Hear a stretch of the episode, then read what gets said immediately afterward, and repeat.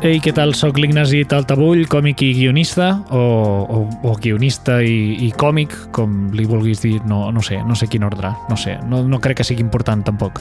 Ja ens hem encallat en la primera frase. Bueno, eh, el cas és que eh, tinc en el meu entorn eh, molta gent amb talent eh, que admiro, i molt poques vegades amb el ritme del dia a dia tinc oportunitat de parlar amb ells de la feina, de per què fem el que fem i poder-los fer preguntes que tinc curiositat per fer-los des de fa temps i he aprofitat aquesta aturada per trucar a alguns d'ells i xerrar una estona. No sé si això té algun interès per a algú altre que no sigui jo mateix. Potser no, potser... Segurament estic parlant sol, eh, però bueno, si has arribat fins aquí, potser t'interessa alguna d'aquestes converses. Així que endavant, anem a veure si val la pena, no? Si no, sempre ho pots treure. No sé. Vinga, va, som-hi.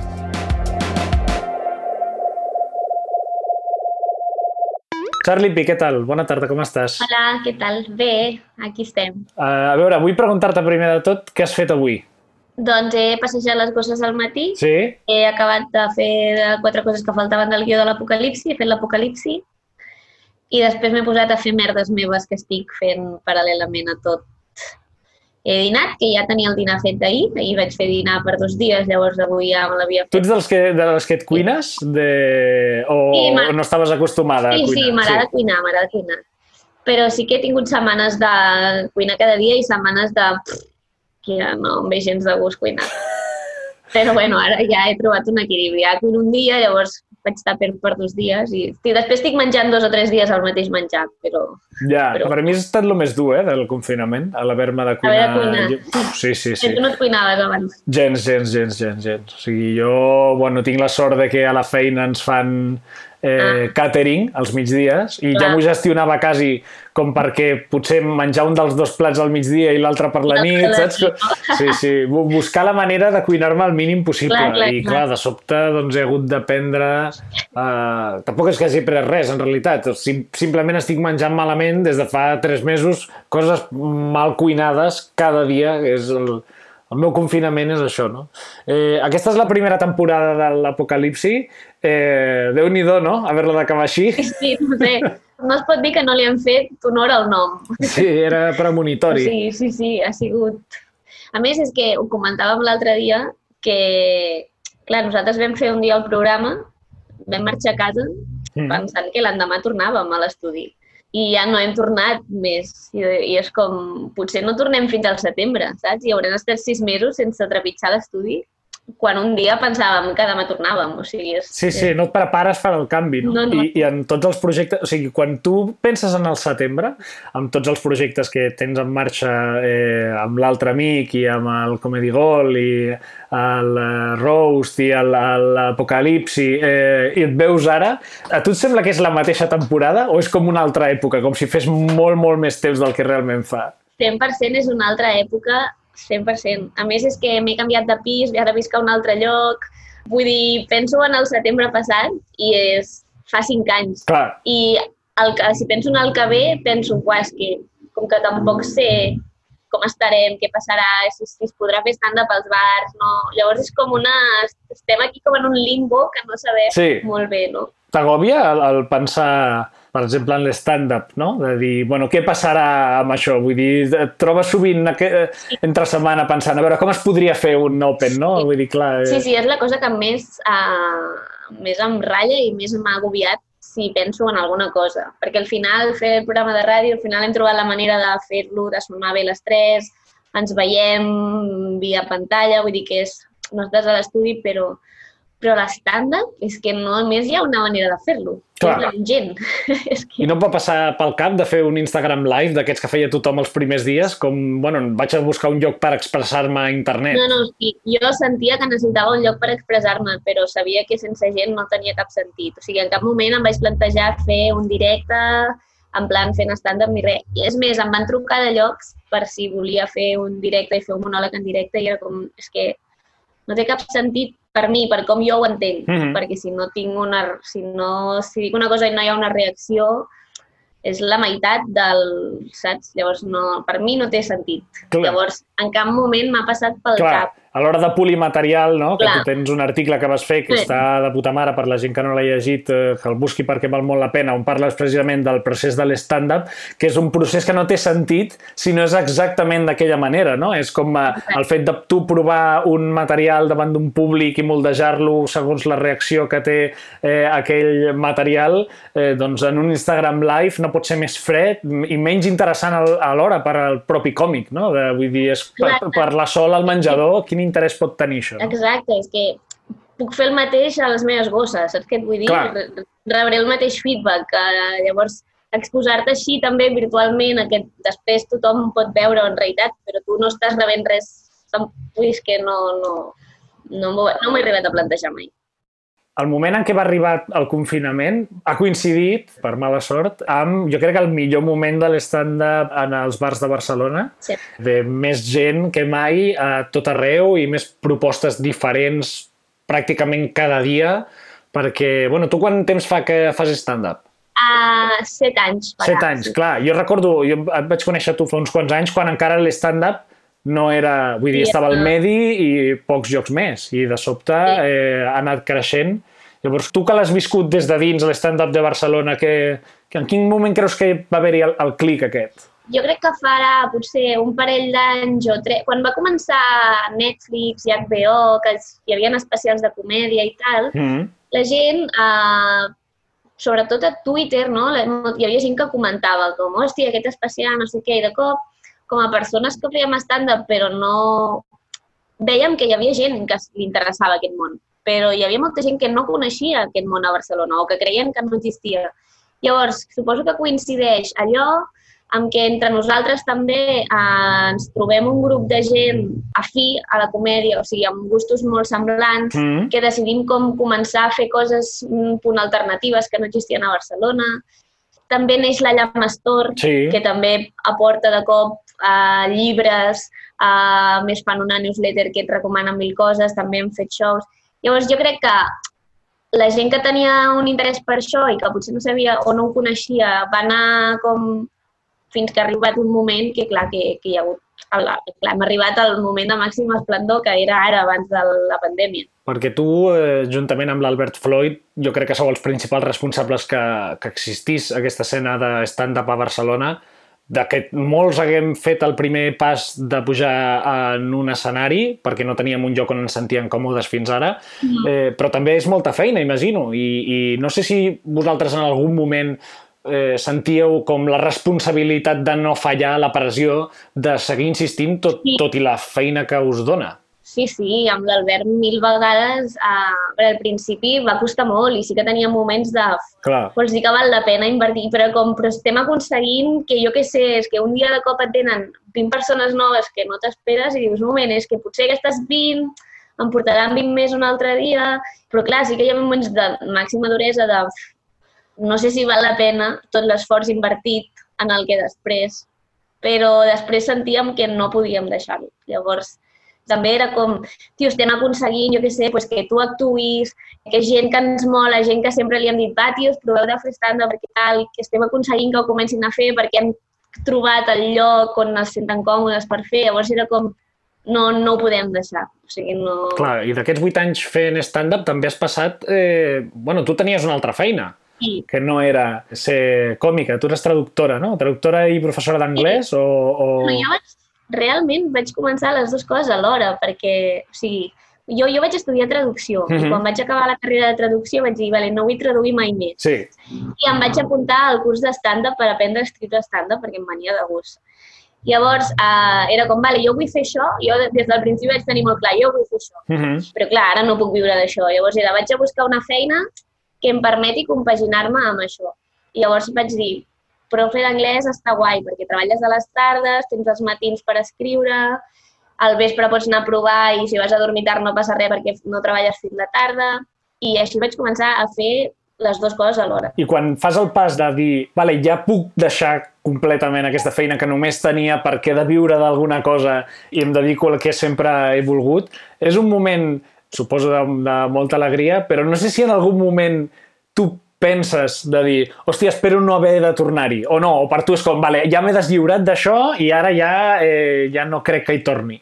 al principi, al principi de tot, perquè clar, o sigui, no és que jo passés de cop digués ara Vic de l'estàndard, que és el que el meu objectiu inicial, sinó m'ofereixen una feina de guionista, que és una cosa que jo al principi de tot aquest procés no m'havia plantejat.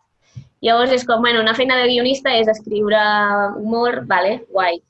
Sí que les primeres setmanes era com, vale, que guai, a més, clar, a més el sou també és molt diferent, uh -huh. uh, saps? I era com, uau, que guai, espero que quan se m'acaba, perquè era una feina per quatre mesos. Uh -huh. I ho vaig deixar tot per quatre mesos sense saber què passaria després, però ho tenia tan clar que era que no ho dubto gens. Que era el guionista a la tele. Sí, a, a Juego de Niños. Uh -huh. I llavors uh, eren quatre mesos i era com... Sí que durant el principi, el primer mes, els primers dos mesos, que em va flipar la feina, m'encantava, uh, era com, espero que quan s'acabin aquests quatre mesos em surtin més coses perquè, o sigui, si he de tornar, jo crec que m'hauria suïcidat. O sigui, sí, Clar, el fet de, de donar ja el, el pas de dir, vale, ara estic clarament estic fent el que jo vull fer, no? De... Més val que no s'espatlli, no? Exacte, espero poder-ho mantenir com sigui perquè no em veig tirant enrere. O sigui, ja al moment en què m'arriba la primera feina jo ja acumulava molta frustració, portava cinc anys, eh, fent sí, sí, sí. classes, dient, a veure si, a veure quan arriba el moment, llavors cinc anys de cada dia, cada dia, haver d'anar a fer classes cada dia, cada dia, cada dia, currava dissabtes. Sabent què és el que no vols fer. Saps? És, és com, és molta frustració acumulada. Clar, el moment en què em surt això és com, espero no haver de tornar mai allò, perquè és que... I tenies sensació durant aquests cinc anys algun moment de pensar que no arribarà? No, sempre he cregut que arribaria. Sí? Sempre he pensat, perquè també notava coses, anava notant, no? I inclús a nivell personal de, vale, estàs millorant bastant, a nivell de gent que em coneixia, gent m'havien anat oferint coses, possibles coses, llavors era com, vale, vale, estàs en ello, estàs en el camí, no acaba d'arribar la cosa que et tregui d'aquí, però estàs allà. I mai he pensat, no arribarà, saps? Em quedaré aquí. És una manera de fer que, que, que és a vegades, no diria positiva, eh? és que jo confio molt en mi mateix. Mm. O sigui, sol confiar molt en, en mi mateixa i si vull una cosa normalment tiro fins que la sí. tinc. O sigui, soc bastant així. Sí, i aquesta acostuma Llavors... a ser normalment la clau de l'èxit, no? Sí. L'insistir i el no deixar que els fracassos et frenin i seguir endavant i tornar-ho a provar i, i tot i que a vegades és inevitable dubtar en algun moment i dir, bueno, no sé si estic perdent el temps, però clar, la insistència és el que et porta al final a aconseguir les clar. coses. És l'única manera, no? Jo crec. Sí. També suposo que com que tampoc havia cremat tots els... És a dir, hi ha com cartutxos, no? És a dir, jo he estat cinc anys aquí, però sempre sabia que hi havia l'opció d'anar a Madrid, ja. per exemple, eh? per posar un exemple. Llavors mm. era com, bueno, estic estancada aquí, però és que potser si vaig a Madrid una temporada, allà em surten més coses, saps? O llavors, com que no havia cremat tots els cartutxos, sempre n'hi havia algun, doncs sempre dius, bueno, espera, potser llavors... Però sempre, com que sempre tenia la sensació que podia fer alguna més per aconseguir-ho. Llavors... Clar, i també vas aprenent i vas evolucionant com a còmic i canvies el, el material eh, mm. que fas. Eh, per exemple, el que més m'agrada del teu material, que a més ja ho hem parlat alguna vegada els dos, que és que la majoria de coses que tu defenses parteixen de coses que t'han passat o reflexions que has fet, parteix d'alguna manera de la veritat. I crec que com a espectador eh, ho notes. Jo ho sé, perquè tinc la sort de conèixer-te i parlar-ho, però gent que no et coneix i, i que potser són col·legues meus o amigues meves que han vingut a veure't, després ho hem comentat i tots han tingut aquesta sensació de que tot i no, saps? És com, vale, sí, em, em crec el, el que m'estàs explicant, no? Per mi és la comèdia que més m'interessa també i la que intento fer jo, no? Que, que tot parteixi com de l'experiència pròpia, no? Tu, des del principi vas tenir clar que era aquest el tipus de material que volies fer o vas anar trobant-ho? No, ho vaig trobar, o sigui, al principi estava perdudíssima, no tenia ni idea de què volia fer ni de com.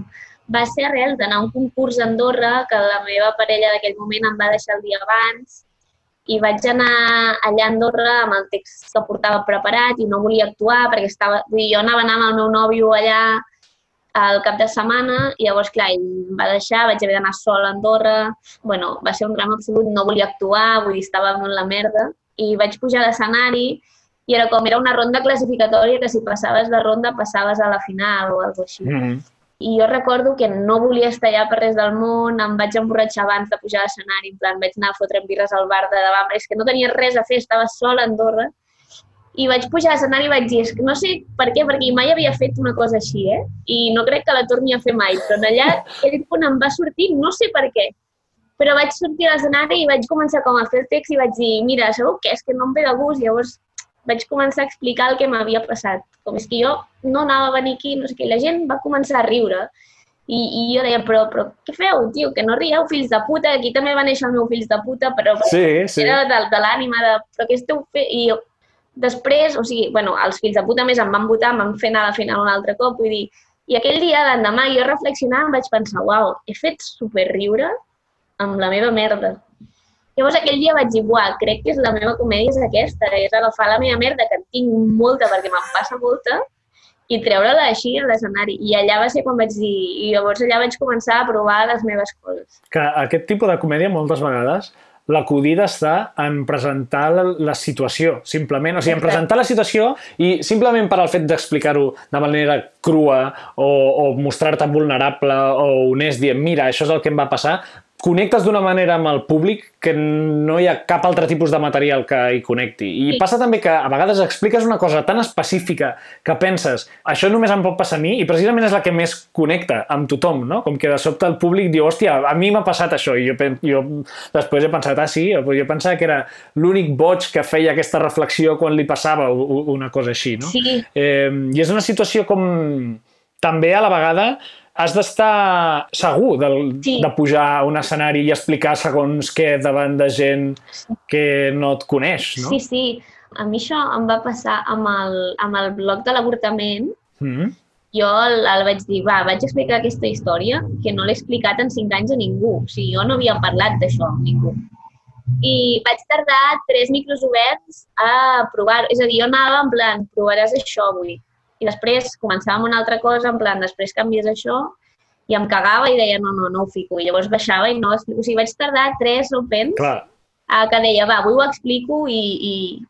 Perquè és això, has de tenir una... una... També era un tema en aquell moment que ningú havia parlat aquí en un escenari i que jo no havia parlat ni tan sols, vull dir, sí, sí. a casa meva ningú ho sabia, vull dir, era com és cert que has de tenir un, una seguretat no? I, un, i amb la gent també que hi ha baix, que et donin una confiança com que tu els hi pots explicar allò perquè, una cosa que no, clar, potser no explicaries als amics. Exacte. O, saps? Com de dir, vale, però ara pujaré aquí i, i ho explicaré. I després està de la teva pròpia experiència o veritat a l'haver d'editar-ho. Ja no només buscant el riure, sinó havent d'analitzar una situació que has viscut des de diferents angles, mirant-te tu mateix en tercera persona... És un procés d'autoanàlisi que no sé si gaire sí, gent sí. que no es dedica a això fa. Sí, és com de reviure, no? I, i sí, que em quedat bé. Jo quan, quan vaig fer lo d'això de, de l'avortament també em va coincidir que just quan ho estava escrivint vaig tornar a Viena un cap de setmana, per exemple. Eh? Uh -huh. I, per exemple, tota la història del tramvia, de sí. la, que és 100% real, jo en aquell moment, quan jo estava escrivint l'avortament, jo en cap moment pensava en el tramvia. Perquè jo en el moment del tramvia no sabia que estava embarassada, llavors jo no feia aquella connexió. Però es va donar la casualitat que aquell cap de setmana vaig anar a Viena i com que el meu cap no parava de pensar en els xistes dels avortaments, no sé què sé quantos, pujant a un tramvia vaig fer el clic de, hòstia, la història del tramvia és el moment en què jo estic embarassada i no ho sé. I a partir d'aquí també neix aquesta connexió que dius, vale, hòstia, és un, clar, és que és un ramat increïble, saps? És com que descobreixes de la teva pròpia experiència parts oblidades que rematen el material, no? Exacte, exacte. I, i no sé si t'ha passat a tu, a base d'escriure i tenir aquesta mentalitat, ja la tens incorporada sí. de per si. O sigui, és com que et passa una cosa dolenta o estranya i ja la filtres com, vale, això és divertit, vist des de sí, fora, sí, saps? Sí, sí, sí 100%, vull dir, ja, ja ho, ho vius tot com és un possible xiste, això. Sí. És com, és una merda que t'hagi passat això, però aquí hi ha un xiste. Llavors, és una cosa que en realitat és superguai, perquè sempre penso, bueno, si això em surt malament, jo què sé, quan em fa por fer una cosa o estic nerviosa per alguna cosa i tal, i dic, bueno, és que si va malament, és igual, pots fer un bloc de stand-up. Llavors, eh, al final és una cosa que t'aportarà coses bones. Llavors, ja vius una mica amb aquesta sensació de tot és possible comèdia, llavors... Sí, és com una, quasi una filosofia de vida de dir, mira, si això és un absolut desastre, d'aquí sortiran potser dos, tres minuts bons, no? De, o, o un bon acudit. El que no sé, que aquest, això és un dubte que tinc, si aquesta tendència que integrem de mirar-nos en tercera persona de les nostres experiències i del que vivim, no sé si també a vegades ens fa més freds per no estar sí. tan connectats amb nosaltres mateixos, intentar tot sí. veure-ho en tercera persona. Segur, segur, perquè clar, en el moment en què tu et mires des de fora, un punt de fredor el guanyes segur. Clar.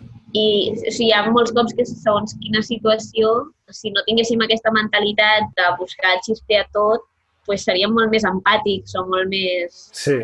Molt més... Mira, ara, no sé per què m'ha vingut això al cap, eh, però l'altre dia estava mirant una pel·lícula d'un un noi que és, és paralític, bueno, és que no només pot moure el cap, uh Mhm. -huh. i una noia. I espera, que la gossa ha caminat, s'ha sentit el soroll. Sí, sí, però bueno, no passa res.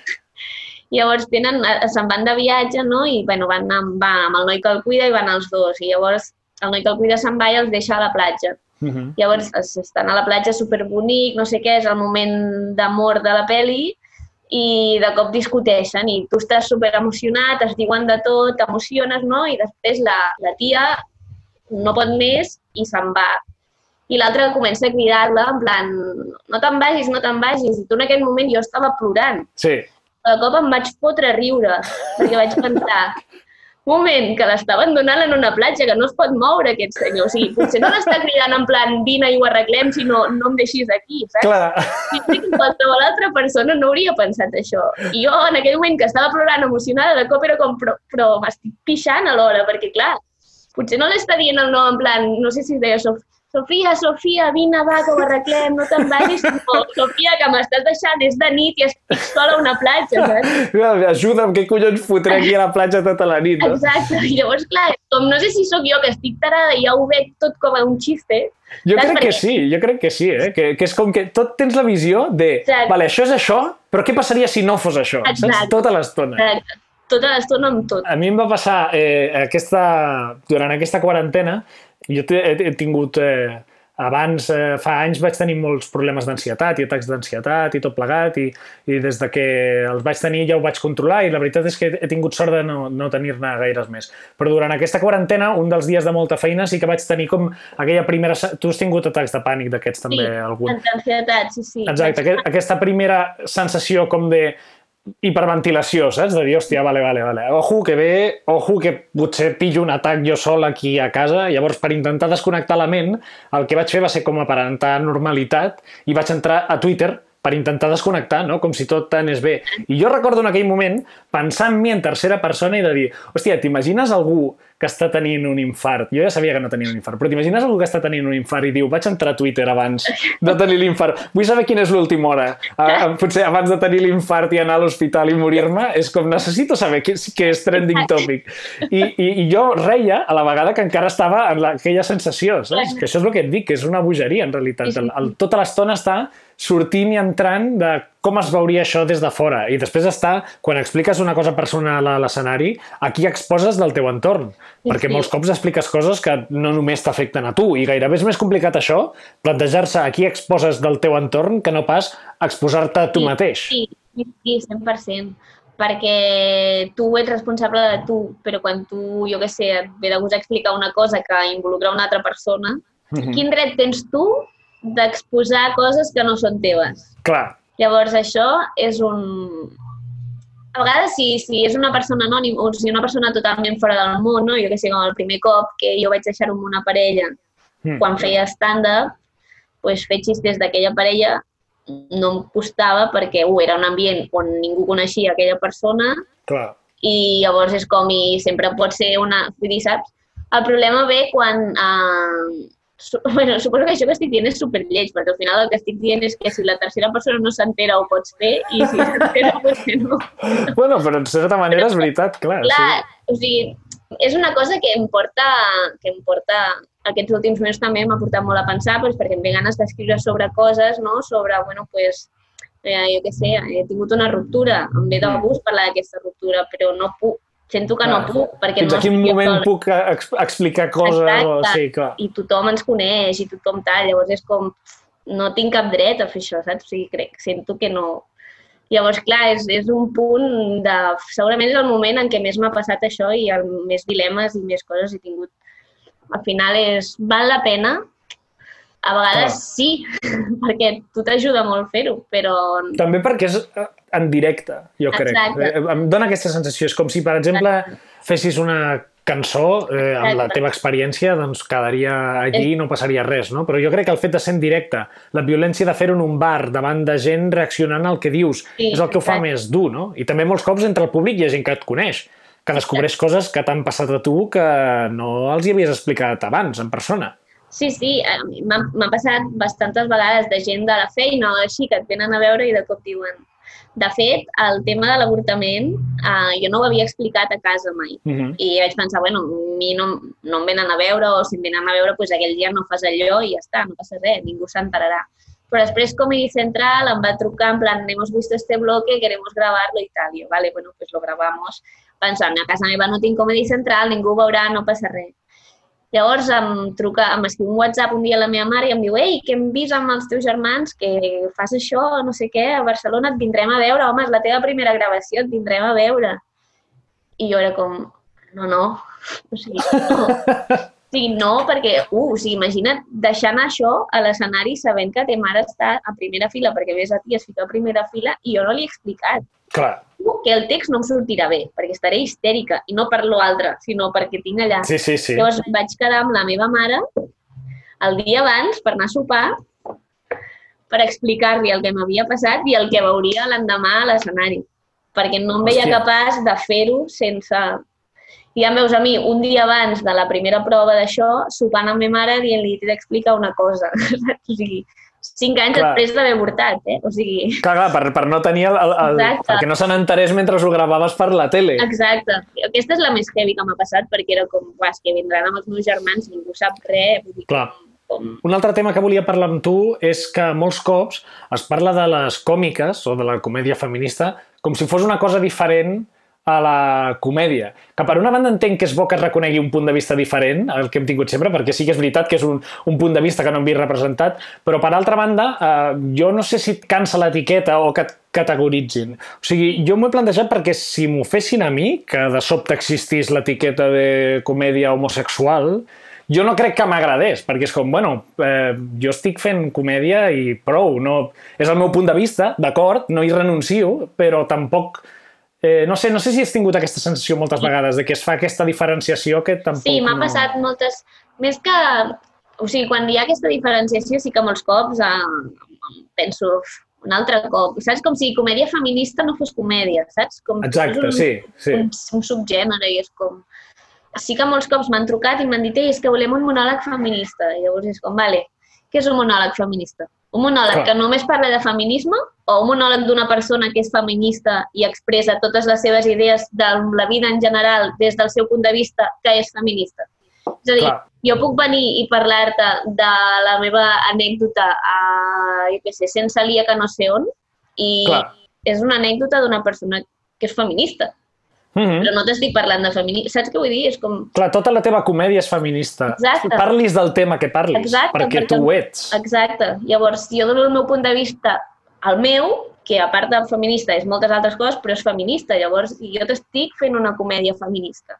Que després jo vingui, jo què sé, i et parli d'altres coses que potser tu dius, oh, és que això no està parlant de feminisme. Bueno, Mm. aquestes coses sí que em molesten molt. Jo sempre dic, què és un monòleg feminista? Mm. Que parli només de feminisme o no? Perquè, clar, jo parlo de moltes coses, saps? Vull dir, de fet, el tema del feminisme el toco per sota, diguem. No, no tinc un blog de ahora os voy a hablar de feminismo i faig xistes de feminisme directament. Jo el parlo pues, a través de, jo què sé, del porno, per exemple, tinc idees que són meves i que són feministes i que estan allà, però no estic dient explícitament soc feminista. Llavors, Sí, i, després, i després estan els shows temàtics de nit de comèdia feminista o nit de comèdia LGTB, que són un reclam, eh, però jo tinc contradiccions, perquè per una banda em sembla que categoritzar-ho és estrany, però també estic a favor que hi hagi aquestes iniciatives, no? Més val que hi hagi un espai que, on es pugui fer això. I a mi, quan m'ho van oferir, jo vaig voler donar tot el suport i estic encantadíssim i va ser una nit genial, no? Però a la vegada també, no, no sé, tinc contradiccions amb això. Sí, sí, és que a mi m'ha passat el mateix amb el tema dels shows de només dones, saps? De dir, Mm.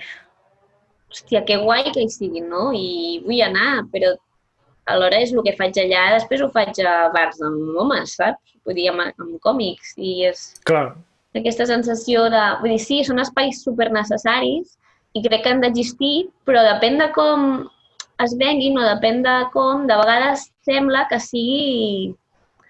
Vull dir, és el dilema que tinc, eh? A vegades és com si és el d'abans, no? Com un subespai on allà Sí. només es fa xistes d'això, saps? Com un... sí, per, per mi Dins de la comèdia hi ha un espai aquí per això, quan això podria ser la mateixa comèdia, saps? Sí, perquè tot hauria de formar part del mateix i no hauria d'haver-hi aquestes subcategories segons el punt de vista, però tampoc vull deixar de ser empàtic i pensar que potser jo no he necessitat aquest espai de comèdia només LGTB per donar el pas de pujar en un escenari, però per un altre sí que és útil tenir aquesta protecció i jo Exacte. he, he de ser conscient del meu privilegi de no haver necessitat això i, i Clar. tenir la sensibilitat de pensar, bé, potser per mi no és necessària aquest, eh, aquest tipus de nit temàtica, però per algú altre sí que l'ajuda i és positiu que tingui aquesta opció, no? Sí, sí, sí. Potser no, crec que no ho havia pensat mai, això, eh, que realment tu potser no ho necessites, però hi ha algú que sí, que és una cosa molt egoista per part meva no haver-ho pensat, però sí que potser... Vull, dir, ara ho has dit i he pensat, hòstia, sí, clar, potser jo no necessito, perquè jo ja vaig començar actuant a mil llocs, però potser hi ha gent que no gosa i, i Clar. li va bé aquest espai. Llavors, suposo, vull dir, En tot cas, sí que és veritat que l'stand-up que s'està fent ara, en quant a diversitat, la tendència és positiva, per mi. Sí. Crec que el discurs de no se puede decir nada o oh, los ofendiditos va a la baixa Sí. i en els Opens cada cop hi ha més gent amb visions i experiències diferents i molt interessants i noves Sí. i jo crec que això és molt positiu. estic super d'acord amb això. Jo també ho he pensat i ho he, ho he notat i ho he pensat moltes vegades de que estem anant per un camí molt guai on, on, on això, la, tot el tema de és que ja no se puede decir nada, no, pues hi ha mil coses de les que es poden i la gent està sortint ja molt guai, estic molt d'acord amb això. Sí. I, bueno, per acabar, eh, et vull preguntar per al fill de puta que dius a l'escenari. Jo ja m'he acostumat a sentir-ho, però si ho penso fredament, em sembla molt guai que tu hagis incorporat en el teu stand-up insultar directament al públic i que la gent t'ho compri. O sigui, si ho fes jo, jo crec que em tirarien cerveses a l'escenari, però en canvi a tu la gent t'ho t'ho compra. Sí, sí, 100%. Jo crec que és el contrast de estimeu-me fills de puta. Clar. Llavors, estimeu-me m'està posant a un nivell de absolut de desesperació Clar. màxima, llavors a un fills de... O sigui, és com... Crec que funciona per això. I un cop he dit estimeu-me fills de puta, puc dir fills de puta quatre vegades sense l'estimeu-me, que ja me no? Crec que és el contrast que genera l'estimeu-me, és m'estic o sigui, no, no puc baixar-me més avall de estimeu-me fills de puta. Llavors, crec que funciona per això, perquè en aquell moment t'estic fent pena, t'estic dient que no m'ha estimat mai ningú, t'estic demanant que m'estimis, és com, m'acaba de dir fill de puta, però joder, pobra, no? La vull estimar. Però crec que és això, crec que em, rebaixo tan avall que després dic fills de puta i pensa, Eh, clar, pobra. Estàs en el dret, no? Exacte. et quedes de sobte en el dret de- d'insultar-los. Exacte. Bueno, doncs espero que ho pugui sentir un altre cop aviat a, a, als escenaris, a veure si passa això i, i, i tornem.